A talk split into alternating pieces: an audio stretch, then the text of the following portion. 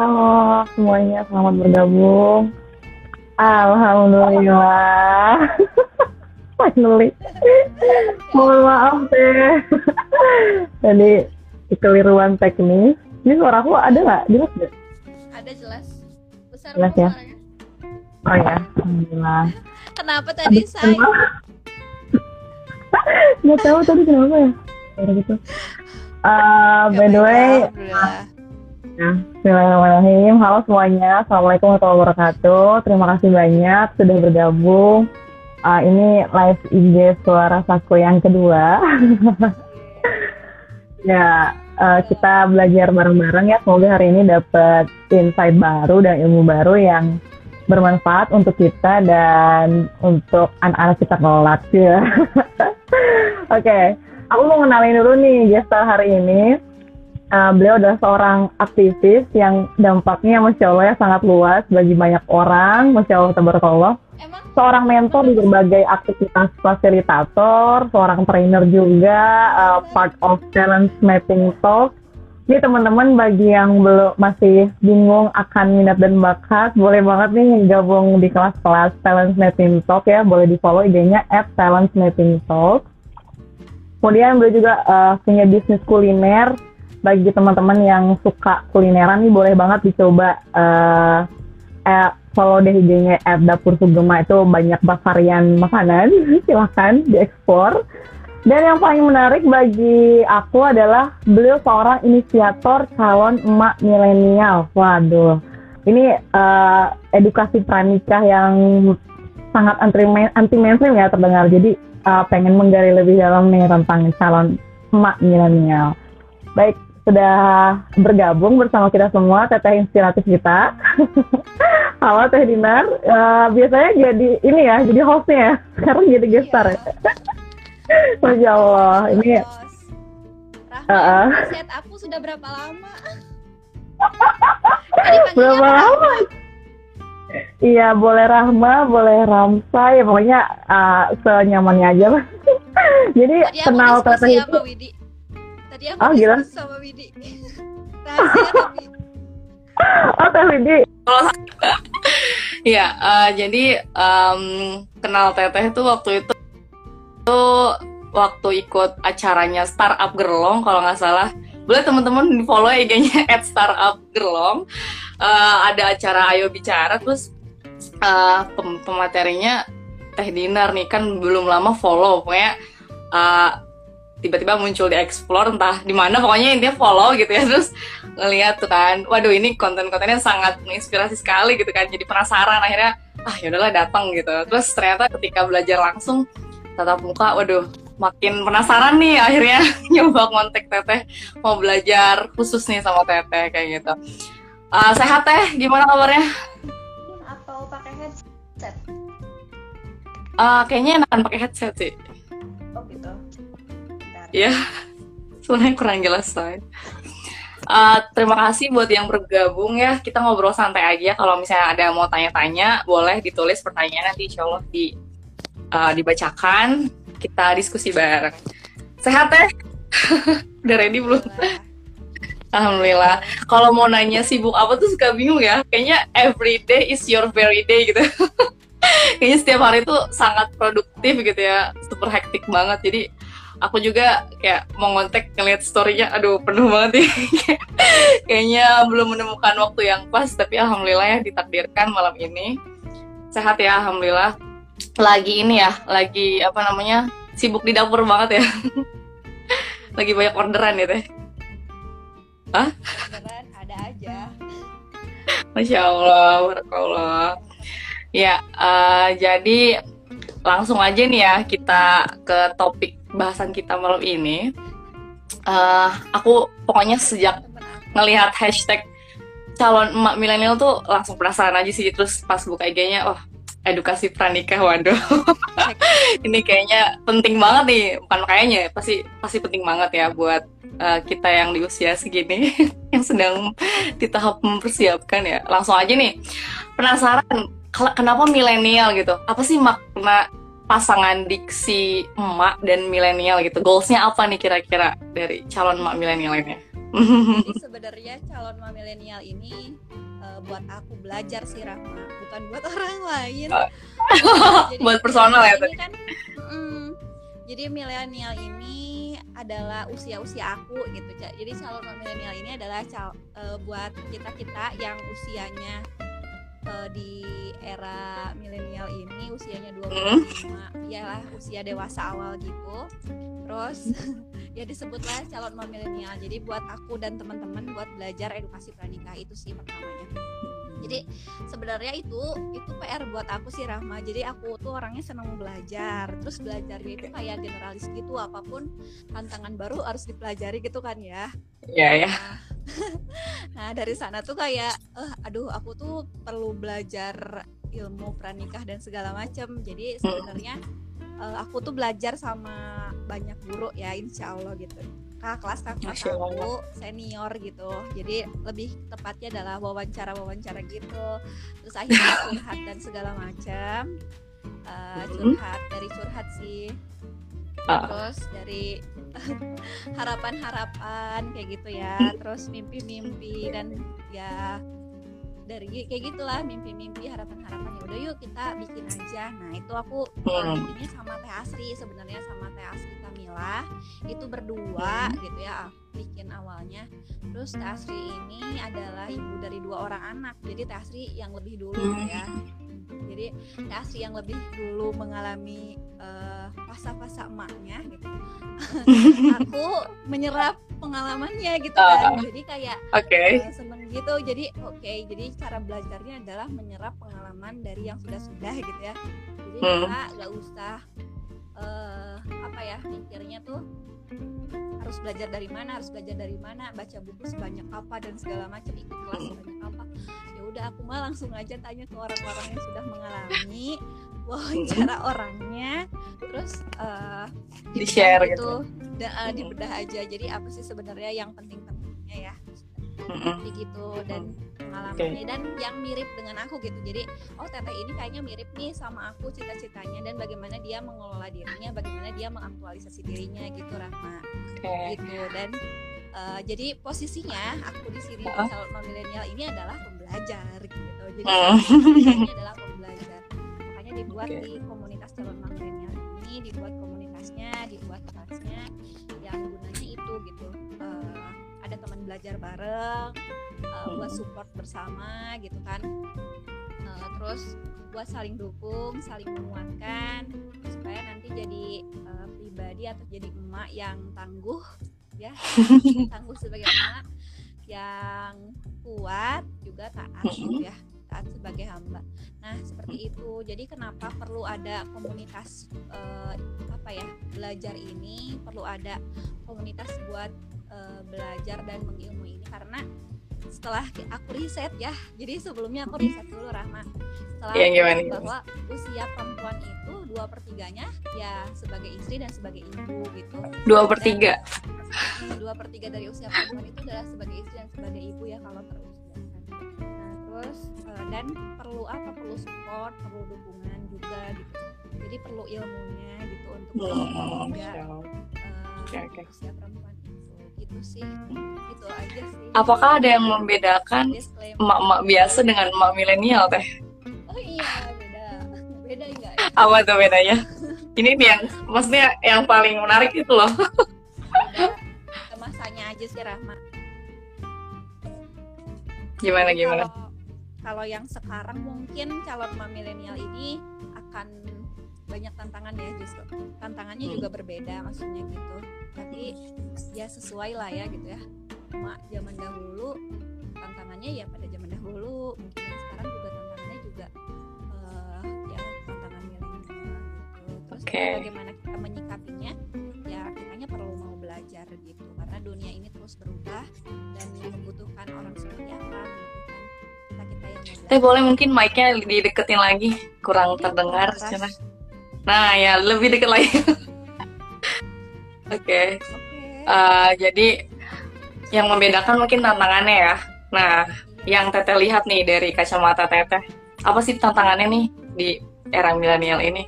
Apalagi misalnya yang akan dihadapi eh, dan maksudnya perempuan tuh pengaruhnya seberapa besar gitu untuk tantangan-tantangan itu? Teh ini banyak yang request mungkin mic-nya lebih deket lagi soalnya kurang terdengar juga. ah ini bentar-bentar wow. Ya jadi tantangannya ya kita nggak pernah tahu kita tidak bisa meramal ya tantangan yang akan datang Nah, gitu ya. Sama seperti hari ini ya gitu kan. Covid juga siapa yang tahu tapi eh, tipsnya adalah tipsnya adalah eh, persiapkan diri kita untuk terus mau beradaptasi dan mau terus belajar itu aja sih itu tipsnya ya dari yang tua-tua eh, dari yang sudah senior gitu diajarinnya Begitu. kayak gitu teman-teman jadi Eh. mau eh, kita sebagai perempuan harus mau belajar dan mau beradaptasi itu di mana Hmm, beradaptasi. kapan pun itu Oke. Ah, kalau aku kasih dua pilihan nih. Ibu rumah tangga atau wanita karir? kan sampai sekarang kan ngelihat teteh ya aja. karirnya sudah melejit gitu ya. karirnya ya maksudnya kan berawal dari karya-karya itu yang mu- kemudian ya let's say teteh udah menjadi career woman nih kayaknya. nah kalau misalnya dikasih dua pilihan nih, ibu rumah tangga atau wanita karir? Dua-duanya eh, dua-duanya ya di mana pun dia posisinya sebenarnya jangan menzolimi ya mau jadi Ah, ibu gimana, rumah gimana? tangga ya tidak menzolimi mau jadi ibu rumah tangga eh, wanita karir juga tidak menzolimi misalnya ya pada intinya adalah ridho suami ya kalau kata guru-guru. Beda suami. nah itu sih sebenarnya gitu jadi Tapi be- eh, akan beda kan pasti. ridho suami dan dan itu adalah dalam rangka dua-duanya beribadah dan mengaktualisasi diri ya gitu Hmm. Jadi gimana nanti? Tapi kalau goals kan kalau aku nanti tanya dulu sama suaminya bolehin apa Oh, ya betul, betul, dibolehin betul. apa aja yang gak dibolehin apa aja tapi kebayangnya gimana? Maksudnya teteh pasti udah punya life plan kan nanti aku mau jadi kayak gimana gitu. ya ya kebayangnya dikomunikasikan aja Oke oke. Mungkin combine kali ya. Jadi housewife bisa, jadi career woman bisa. tapi kalau Iya, aku Teh. tipe orang yang gak bisa ini Rahma gak bisa kerja kantoran jadi Oh. aku bu, gak bisa Jadi nggak terikat ya? nggak nggak nggak bisa iya jadi nggak Oh. bisa kerja 8 to 5 itu nggak bisa gitu jadi sayang banget waktu aku gitu jadi dulu pernah tuh aku kerja di Jakarta Mm-mm. apa namanya? Kerja jadi science developer gitu. Terus kerjanya dari jam 8 sampai jam 5 terus kayak eh, pekerjaan yang harus selesainya hari Jumat tuh aku bisa selesai Mm-mm. hari Rabu. Nah itu cepet ya terbilang cepet lah. Terus aku mengerjakan sesuatu di luar pekerjaan eh, yang mungkin nah eh, apa namanya yang mungkin itu pekerjaan aku pribadi sih maksudnya konsep-konsep apa gitu. Nah ternyata kan itu kita pakai waktu kantor ya dan itu juga khawatirnya nggak amanah ya karena kita dibayar waktunya oleh kantor gitu. Jadi eh, ntar itu waktu yang dibayar sama kantor harusnya pakai kerja kantor nah gitu. Jadi khawatirnya Oke. itu tidak amanah jadi mending nggak usah. Dan akhirnya aku menemukan polanya bahwa nggak kerja kantor sih tapi bisa menghasilkan uang intinya itu tidak tidak bekerja kan ya maksudnya karir buat aku adalah yang seperti itu Mm-mm. Rahma gitu Oke oke oke oke. I Nggak see I harus see. kantoran tapi Iya, iya, iya. besar di mana Hmm, betul betul betul. Dan sekarang juga udah banyak juga kan yang kerja remote dari rumah gitu kan. Apalagi dari zaman pandemi ini. Jadi itu cocok banget gak sih buat kayak host jadi kan ya sih Iya. Jadi berumah tangga juga fokus, tapi eh, tetap bisa produktif juga gitu ya, meskipun dari rumah. Masya Allah. Oke. Kan tadi udah belajar banyak nih kan di calon milenial nih. Bolehlah sharing-sharing eh, ilmu parenting yang paling basic, yang eh, it looks simple, eh, yang sederhana, cuman ya mungkin dianggap sepele juga, tapi important dan urgent gitu tapi yang paling basic banget gitu. Apa tuh? Yang udah teteh pelajari selama ini. Aduh Rahma ngetes aku deh. Ngetes nggak serius. Pengen tahu. Aku udah belajar banyak nih. Uh, sebenarnya ilmu parenting itu adalah bagaimana kita mendidik diri ya gitu. jadi mendidik diri. adalah jadi kalau ya banyak kelas ya salah satunya yang paling penting dan paling urgent adalah bagaimana kita mendidik diri, bagaimana kita membiasakan diri gitu ya. Oh nanti anak ada anak-anak itu adalah meniru ya, meniru orang tuanya gitu ya, membiasakan orang tuanya. Jadi kalau misalnya dari sekarang nih ruhiyahnya gitu ya, terus ibadahnya gitu, nah itu mending diperbaiki dari sekarang nanti. Saya pun juga sama sedang masa dalam perbaikan. Gitu kan. Nah, jadi nanti pas sama anak ya anaknya tinggal ke orang tua. Hmm. suka pertanyaan kamu yang terakhir. Aku suka pertanyaan kamu yang terakhir. Oke oke. tenang tenang. Oke oke. Eh, jadi Gitu intinya mah ko- aku pernah juga sih dikasih tahu sama mm, seorang guru juga. Sebenarnya masa-masa kita tuh adalah kita sedang berbuat baik pada anak-anak kita jauh sebelum mereka lahir gitu. Jauh da- jauh dari sebelum mereka lahir. Artinya yang tadi Teteh sebutkan parent, bahwa parenting adalah mendidik diri. Wah, itu bener banget sih kayak eh, karena emang nanti anak-anak kita tuh akan bercermin ya misalnya ya cerminan kita gitu kan gitu jadi akan memantul kayak gitu lah kualitasnya kepribadiannya kualitasnya karakternya dan lain-lain terus eh Peniru. hmm, pasti setiap orang tuh nggak semua orang sih banyak orang punya kayak eh bermimpi ingin menjadi yang seperti apa oh deh moms to be dream lah gitu nah teteh mau jadi ibu yang seperti apa sih Eh, menjadi- tipe ibu untuk anak-anak idamanmu seperti apa sih?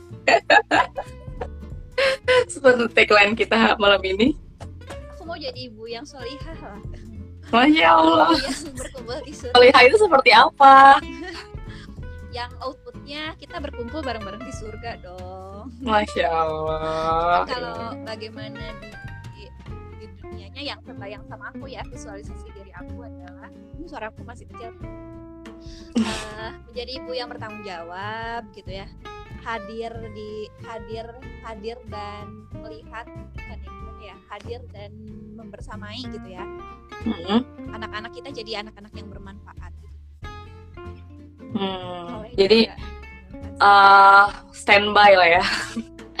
standby with children. Oke. Juga Jadi um, karena pokoknya anak-anaknya bermanfaat soleh dan solihah karena kalau menjamin menjamin kita selalu ada kan enggak juga ya nggak sih iya betul betul tapi banget sih. memastikan bahwa anak-anak kita bermanfaat juga. Masya Allah, tabarakallah. Jadi moms to be dream-nya yang solihah ya pasti. Karena eh, nggak mustahil sih, cuman pasti hukum alam tuh ya kalau misalnya kita solihah, mendidik diri dengan baik, pasti anak-anaknya juga nanti eh, insya Allah ya semoga eh, kita juga bermimpi yang sama gitu. Jadi anak-anak solih dan solihah dan bermanfaat. Oke, ini nih yang ditunggu-tunggu ya. Apa aja sih yang penting untuk diperhatikan dalam memilih calon ayah untuk anak-anak. Ini mah sebenarnya kalimat lain dari yang lagi viral. Sebenarnya tipe suami idamanmu seperti apa? oh iya Itu lagi viral banget tuh. viral ya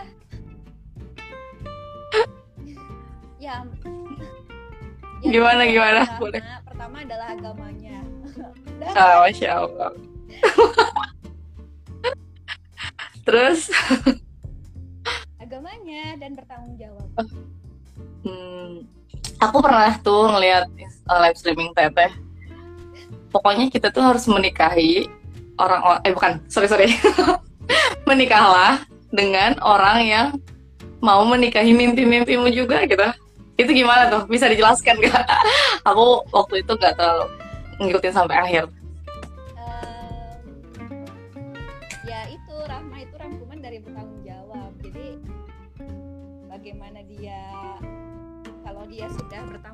Jawab dia bertanggung jawab semuanya mimpi-mimpinya gitu kan semuanya gitu. nggak hanya itu juga nasib surga dan nerakanya gitu Hmm, Ya Masya? Allah. Betul banget sih. Iya, iya, iya. Oke oke. Tapi tuh yang menariknya adalah itu tuh maksudnya ketika aku share itu ya banyak yang uh, notice dan kayak responnya iya tuh betul banget gitu. Kita harus menikah dengan yang mau menikahi mimpi-mimpi kita. Saya mungkin uh, perspektifnya adalah ya orang yang memang mau istilahnya mah suportif gitu terhadap karya-karya kita. Iya. Ya itu itu ber, itu bagian dari tanggung jawab sebenarnya. Kalau dia sudah oh. mengerti tanggung jawabnya itu udah masuk ke bagian situ Rahma jadi aku ingin bertanya. Jadi? Teman-temannya Rahma. Jadi teman-temannya Rahma itu bagaimana? Nah itu itu mereka sudah menikah atau bagaimana? Nah, itu adalah pertanyaan riset aku. Nah jadi oh, gitu. teman-teman sebelum sebelum dapur segema lagi sebelum calon milenial ini berdiri uh, udah riset. Jadi Dinar dan Teh Asri ini sudah riset. Jadi kalau Teh Asri memang sudah berpengalaman dan uh, aku menyeludup di berbagai komunitas ibu-ibu gitu ya. Berbagai komunitas ibu-ibu uh, gimana aja sih di komunitas ibu-ibu itu? Memang uh, jadi wadah buat si ibu-ibunya jadi curhat gitu Rahma jadi curhat tadi yang kata Rahma ya jadi ada tipe ibu-ibu yang memang curhatnya kok ke, ke komunitas gitu ya Nah, akhirnya itu adalah jadi bahan riset. Oh, emang apa sih yang terjadi eh, persoalan-persoalan seperti apa sih yang biasanya terjadi di seputar rumah tangga seperti itu gitu ya. Aduh jatuh. Gimana tuh? Nah. Aduh, kalem kalem. Oke. Okay. Jadi loncat-loncat heboh banget ya.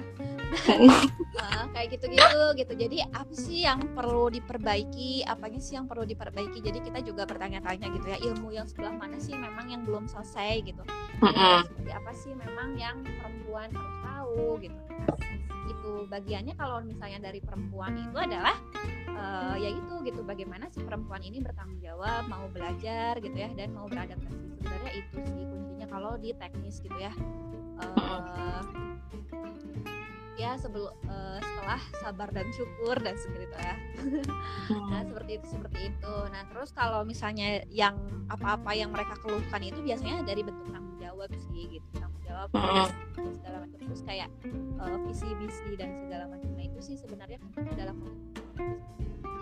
visi misi pernikahan ya Iya, jadi kalau misalnya teman-teman nih yang sudah terbiasa berorganisasi, ya, Rahma, sudah, terbiasa, sudah terbiasa aktivis gitu kan, perlu ada visi misi atau arahnya mau ke mana, orientasi keluarganya mau ke mana, kayak gitu, pembagian tugasnya seperti apa, terus uh, ya gitulah pembagian tugas secara jelas seperti apa, kayak gitu, visi misinya mau ke mana, terus kayak bersinerginya seperti apa, nah itu yang perlu gitu. Dirancang gitu ya desain pernikahannya. Waduh ya intinya kadang ada juga yang sudah merancang ya ini risetnya. Kadang ada yang sudah merancang tapi ada bab yang belum beresnya di komunikasi dan dikonfirmasi. Jadi kebanyakan ekspektasi nah itu juga hmm, betul, betul. teknis ya yang kalau tadi misalnya teman-teman uh, teman-teman mengharapkan bahwa menikah dengan seseorang yang menikahi mimpi-mimpi kita. Nah, bagaimana caranya supaya uh, dia memang menikahi mimpi-mimpi kita? Nah, itu adalah di bab komunikasi gitu ya. Bagaimana cara uh. mengkomunikasikan itu? Itu sih. Oke, okay. ya ya betul betul. Jadi uh, emang paling ini ya, paling urgent banget juga, komunikasikan. Hmm, kalau misalnya gimana? memilih tadi kalau kata Rahma uh, memilih pasangan itu seperti apa yang jelas kalau misalnya aku uh, mungkin teman-teman yang lain juga ya pasti nyari yang mau membawa kita ke surga ya ngasih menyelamatkan dari api neraka. Intinya itu sih kita mau apa lagi hidup mah gitu ya. Itu itu yang pertama. Terus yang kedua tadi bertanggung jawab ya udah sih mau belajar juga. Tadi menarik loh yang Teteh cerita bahwa uh, calon emak itu sudah menampung aspirasi-aspirasi, curhatan-curhatan ya dari para emak gitu ya.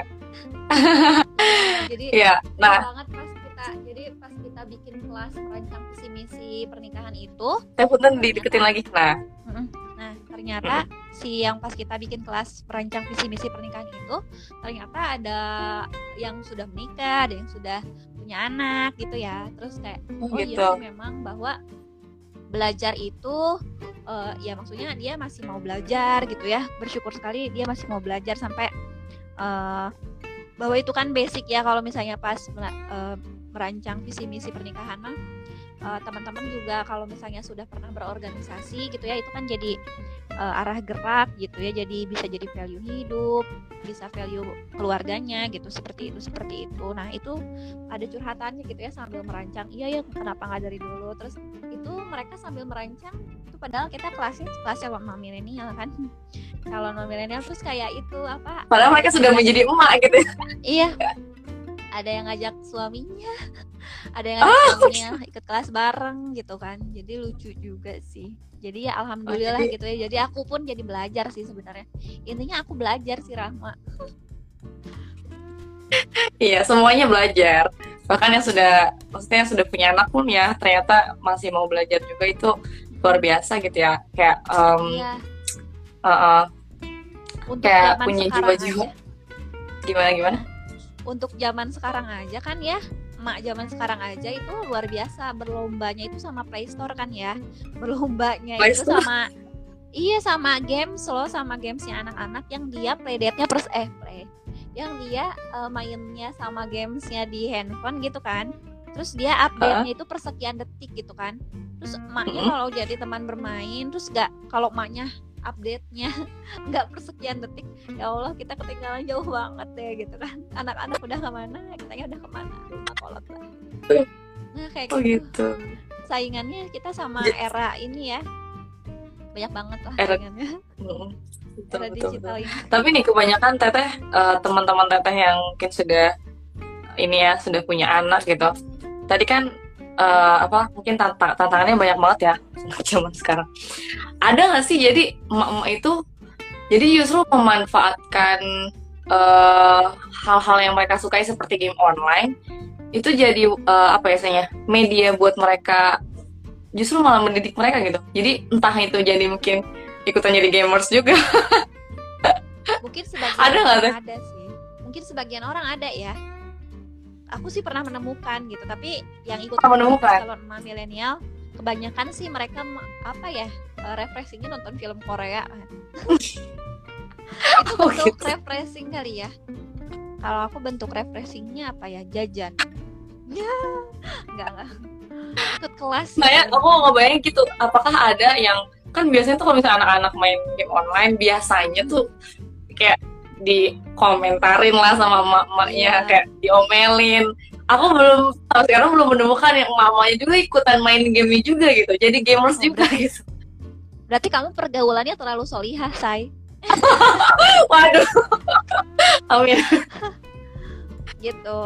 Jadi di luar sana pernah lihat sih ada maksudnya ada ada. Ya kayak gitu ada, tapi kan buat apa kalau kita yang sudah tahu orientasinya mau ke mana ya buat apa gitu ya itu waktu kita sayang sekali gitu. Hmm, betul betul. Gitu Rahma. Terus teh banyak gak sih yang curhat uh, tentang anak-anaknya itu kecanduan gadget gitu? Nah itu banyak, banyak sih. Terus gimana tuh yeah. jawabannya untuk menjawab permasalahan itu? Itu ya maksudnya itu introspeksi diri. Kita diajak buat introspeksi diri. Memang uh, waktu kita seberapa banyak itu kayak uh, kalau udah kecanduan kan itu udah masuk ke ranah psikologi ya. Nah hmm. gitu gitu itu dibantunya ya sama psikologi gitu. Kalau aku kan cuma memfasilitasi aja dan menyambungkan gitu. Tapi kalau teh asri memang hmm. basicnya psikologi sih. Hmm. gitu. Ya, ya. jadi kalau jadi harus diterapi gitu teh.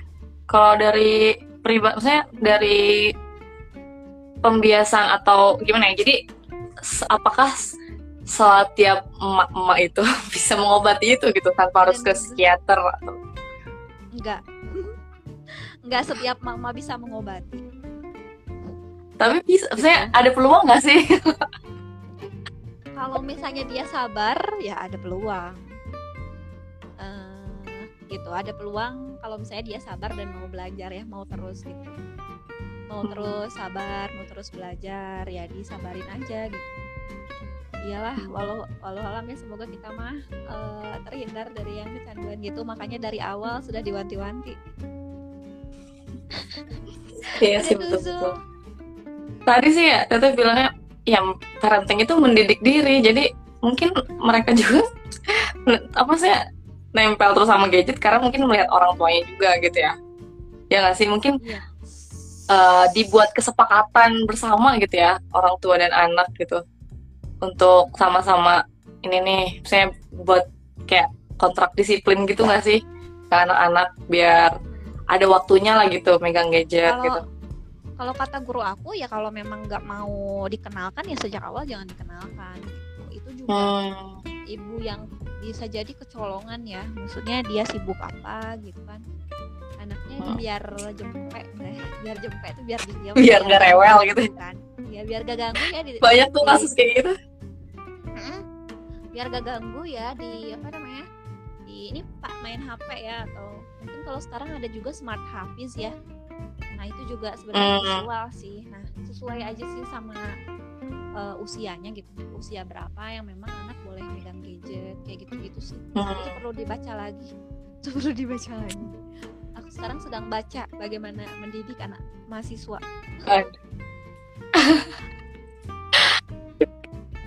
Teman-teman yang masih bergabung boleh banget kalau ada pertanyaan ini eh, kita ngobrol santai aja ya. Biasanya nih teh, eh, aku sebenarnya ini curhat dari teman-teman aja. Jadi ke teman-teman yang udah menikah tuh bilang kayak gini, ketika kamu menikah kamu jangan banyak ekspektasi gitu. iyalah Ada nggak emak-emak yang curhat kayak gitu kata teh? Hmm, iya, maksud iya ada ada ada. ada kan. Tuhannya apa tuh tentang ekspektasi? Apakah misalnya kode yang tidak dipeka-pekain? Katanya tuh nggak boleh kode-kode lagi tau. Kalau udah nikah tuh harus belak-belakan Cina. Iya dong. Ya kalau kan kuncinya menikah itu adalah komunikasi efektif ya. Efektif artinya hmm, Tidak tersirat gitu. efektif maksudnya. ya, ya efektif maksudnya pesannya tersampaikan gitu kan. Pesannya tersampaikan, maksudnya ada hasilnya gitu kan. Hmm, iya ya betul betul.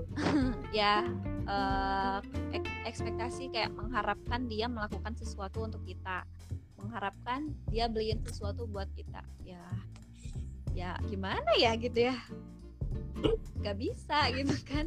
Mikirnya kayak gitu. Ya itu sih yang diajarin bahwa ya kalau kamu mau ya ngomong Hmm, gitu sih. Biar lebih efektif gitu ya. kalau mm, kalau perempuan tuh banyak kode-kodean. Aku aku kode-kodean deh. Sih aku termasuk orang yang belak-belakan kayaknya Iya iya iya. Saya temen aku yang udah nikah itu bilang, pokoknya kalau misalnya kita kode dan maksudnya kode nggak belak-belakan gitu, nggak eh, mau jujur menyampaikan gitu, itu nanti ngebatin sendiri. Iya, jadi ada tuh temenku yang cerita bahwa pernikahan pernikahannya eh, nggak ses- nggak ini katanya dia gini apa namanya? Jadi jangan mengharapkan pernikahan itu insta Instagramable gitu kan? kayak kayak yang sekarang lagi Instagramable. viral kan? Iya iya iya. Terus teman aku itu ditinggalkan tugas oleh suaminya tentara kan? Jadi dia Oh, gitu? berekspektasi bahwa pernikahan dia adalah ins- Instagramable gitu. terus ditinggalkan tugas gitu kan. Jadi aja patah. Nah itu. Jadi jangan berekspektasi lah. Iya iya. Dan aja menikah itu ibadah ya nggak sih? Ibadah Iya, iya, seumur hidup. kalau tadi uh, dua per tiga usia perempuan yang dijadikan ibadah gitu kan. Hmm, dan sebagai ibu. Jadi ibadah terlama makanya perlu ilmunya gitu hmm. perlu ilmunya Katanya sih, perlu Uh-uh. support perlu dukungan gitu kan? Mm-mm. gitu. Makanya ikut Iya. komunitas yang baik-baik. Ikut komunitas yang bisa ngasih uh, siraman gitu kan? Teddy Put nih ini ada calon-calon pengantin yang baru join. Oh, iya. Kalau teman-temannya teh Dinar, oke oke, ya? Cenama, ya menikah teh pernikahan eh apa ibadah paling serius ya. ibadah paling serius. Tapi itu sih yang ngakaknya ternyata menikah juga ada yang Instagramnya boleh teh. Gimana tuh maksudnya? jadi Pernikahan yang Instagramable apa tuh maksudnya? ya maksudnya yang postingnya foto-foto bagus foto-foto kebahagiaan gitu Hmm. Yang keba- bahagia terus hidupnya gitu ya. Oke oke. Ini ada pertanyaan dari Teteh eh, Teteh idolaku juga nih. dari Teh Zuldanti ya, Teh Alipia. Jadi beliau nanya ini Teh, kalau Teh Dinar gimana sih memanajemen ekspektasi sebelum pernikahan kayak gitu? Memanage ekspektasi. Jadi gimana nih manajemen ekspektasi sebelum pernikahan? Aduh, aku jadi pengen. Ya, mungkin lebih dari itu lagi. ekspektasinya nikah apa? Zul, ekspektasi menikah kamu apa? Silakan dijawab Teh Nuzul. Kepo aku orangnya. Kepo. Jadi ya nolkan aja niatkan itu ibadah. Jadi nggak boleh ada ekspektasi gitu. Ya ekspektasi berharap ya ada lah gitu. Maksudnya buat menikah itu kan berarti buat beribadah dan menambah energi ya nggak sih? Iya. Iya. harusnya gitu kan tapi kalau misalnya ternyata itu adalah ekspektasi kamu nanti kecewa ya Hmm. Eh, jangan diekspektasikan bahwa eh, apa pun jadi kalau misalnya ekspektasi eh, ekspektasi teman-teman adalah tadi eh, menikah itu membahagiakan itu sebenarnya ekspektasi ya Jadi Hmm. bagaimana tapi bagaimana dari dari diri kitanya nih membuat pernikahan itu bahagia gitu Eh, responsibility-nya ya Hmm. bagaimana dari dari diri kitanya nih membuat pernikahan itu jadi produktif gitu ya jadi menambah energi bersama jadi nambah kolaborasi gitu ya itu kan dari dari kitanya gimana gitu kan kayak aduh pengen kolaborasi tapi kitanya pengen gerak pengen gerak sendiri dan segala macam dan segala macam lah Hmm. nah itu jadi itu beneran kalau teman-teman eh, ikut organisasi di kampus ya itu anggap aja itu sekolah pranikah gitu. Eh, ya Masya Allah ya. eh, Iya, iya. apa ya ya membuat visi-visi bersama kemudian menjalankan proker kemudian habis bikin proker kemudian evaluasi kemudian dievaluasi mana yang efektif dan tidak efektif kayak gitu kali ya itu Hmm. wali gambarannya ya itu Oke, gambarannya oke. cuman ya itu jadi eh, kuncinya komunikasi efektif itu Hmm. Iya, iya. suara Suaranya masih kecil. Iya, ini nggak tahu nih headsetnya aku udah lama nggak live Rahma jadi Oke, it's okay. Ini teh ada pertanyaan lagi nih. Kalau ngadepin anak marah tuh yang efektif kayak gimana? Soalnya sering kali nggak sadar diri diri tuh apa sih sadar diri gitu kalau ngambek, tapi setelahnya suka nyesel dan selalu minta maaf sama anak. Ini dari Teh Oh, Fakma. ya. Belum. tapi suka ngurus ponakan cina si Ate. Oh, eh, Oh, Ate iya, iya. Jadi aku juga ngurus anak-anak ini- karena ngajar kali ya teman-teman. gimana? karena ngajar jadi tahu jadi eh, suka kepo gitu kan cara Oh, gitu. anak gitu kan Gimana jadi gimana? ngajar PAUD kayak gitu-gitu ya terus gimana Mm-mm. nih ngadepin anak kalau marah tanya eh apa ya kondisikan dulu supaya dia tenang. Ah.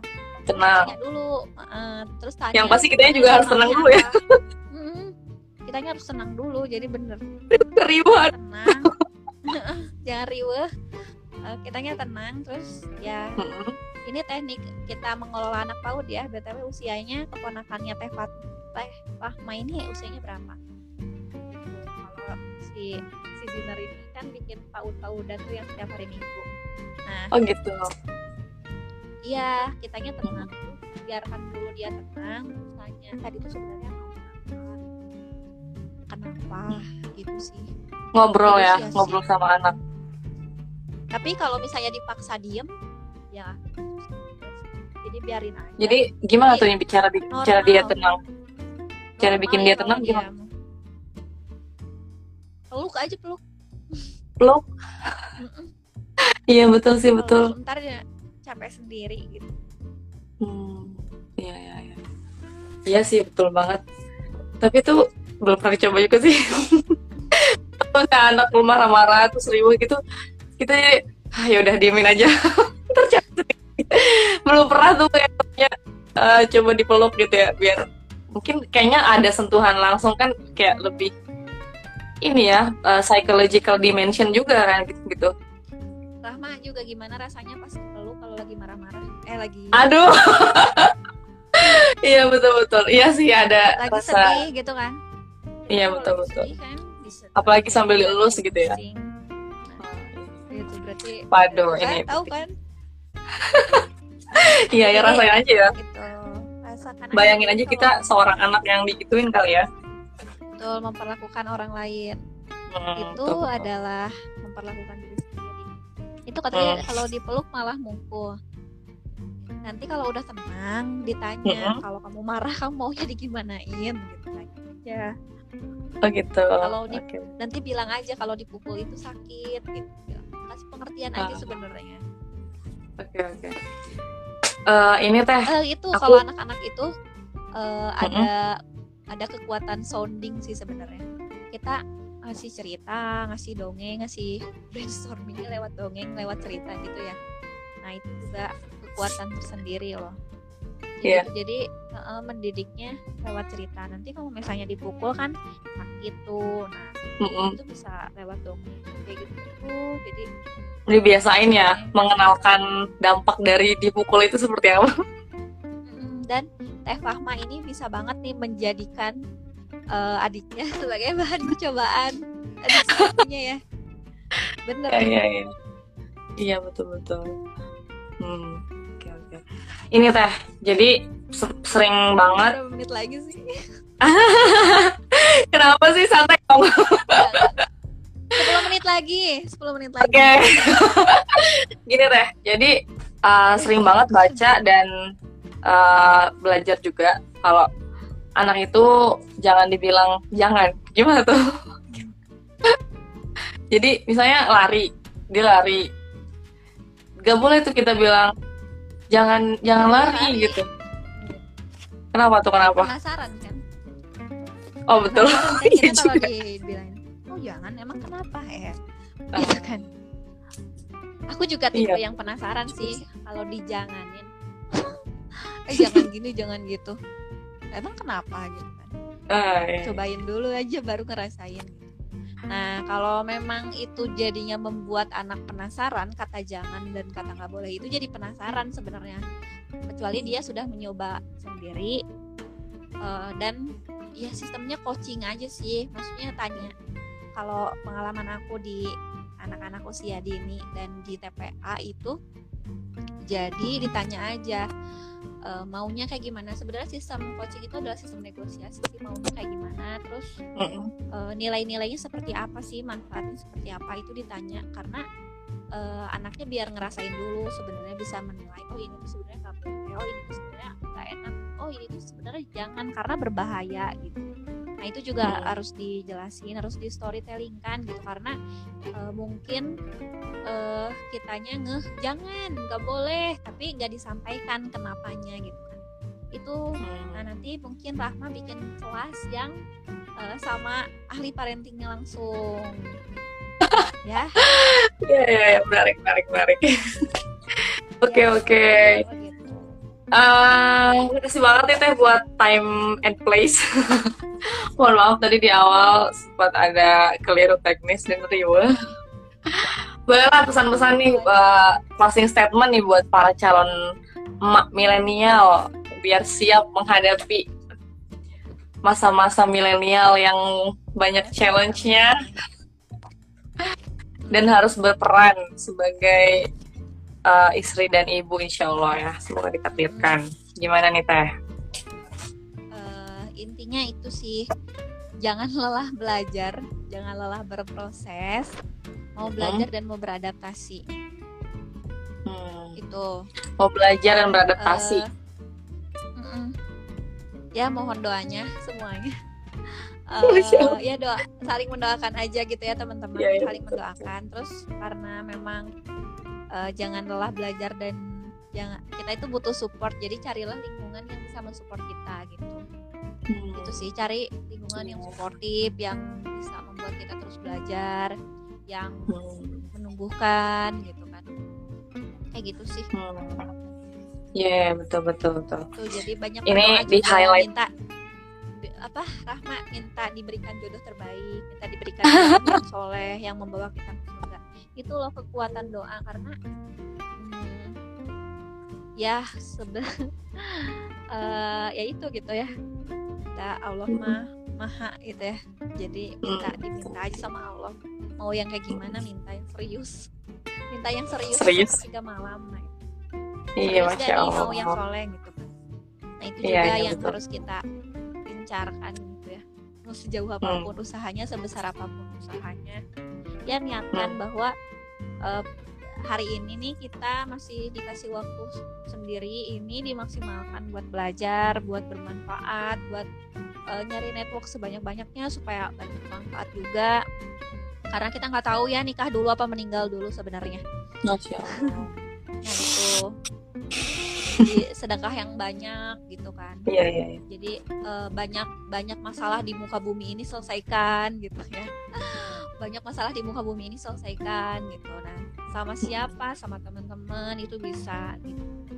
Karena kan kita sudah dikasih potensi itu juga. Jadi jangan terpaku dengan jodoh dan membuat kita tidak produktif. Jadi seharusnya sih seharusnya ya jodoh itu malah jadinya memotivasi gitu ya.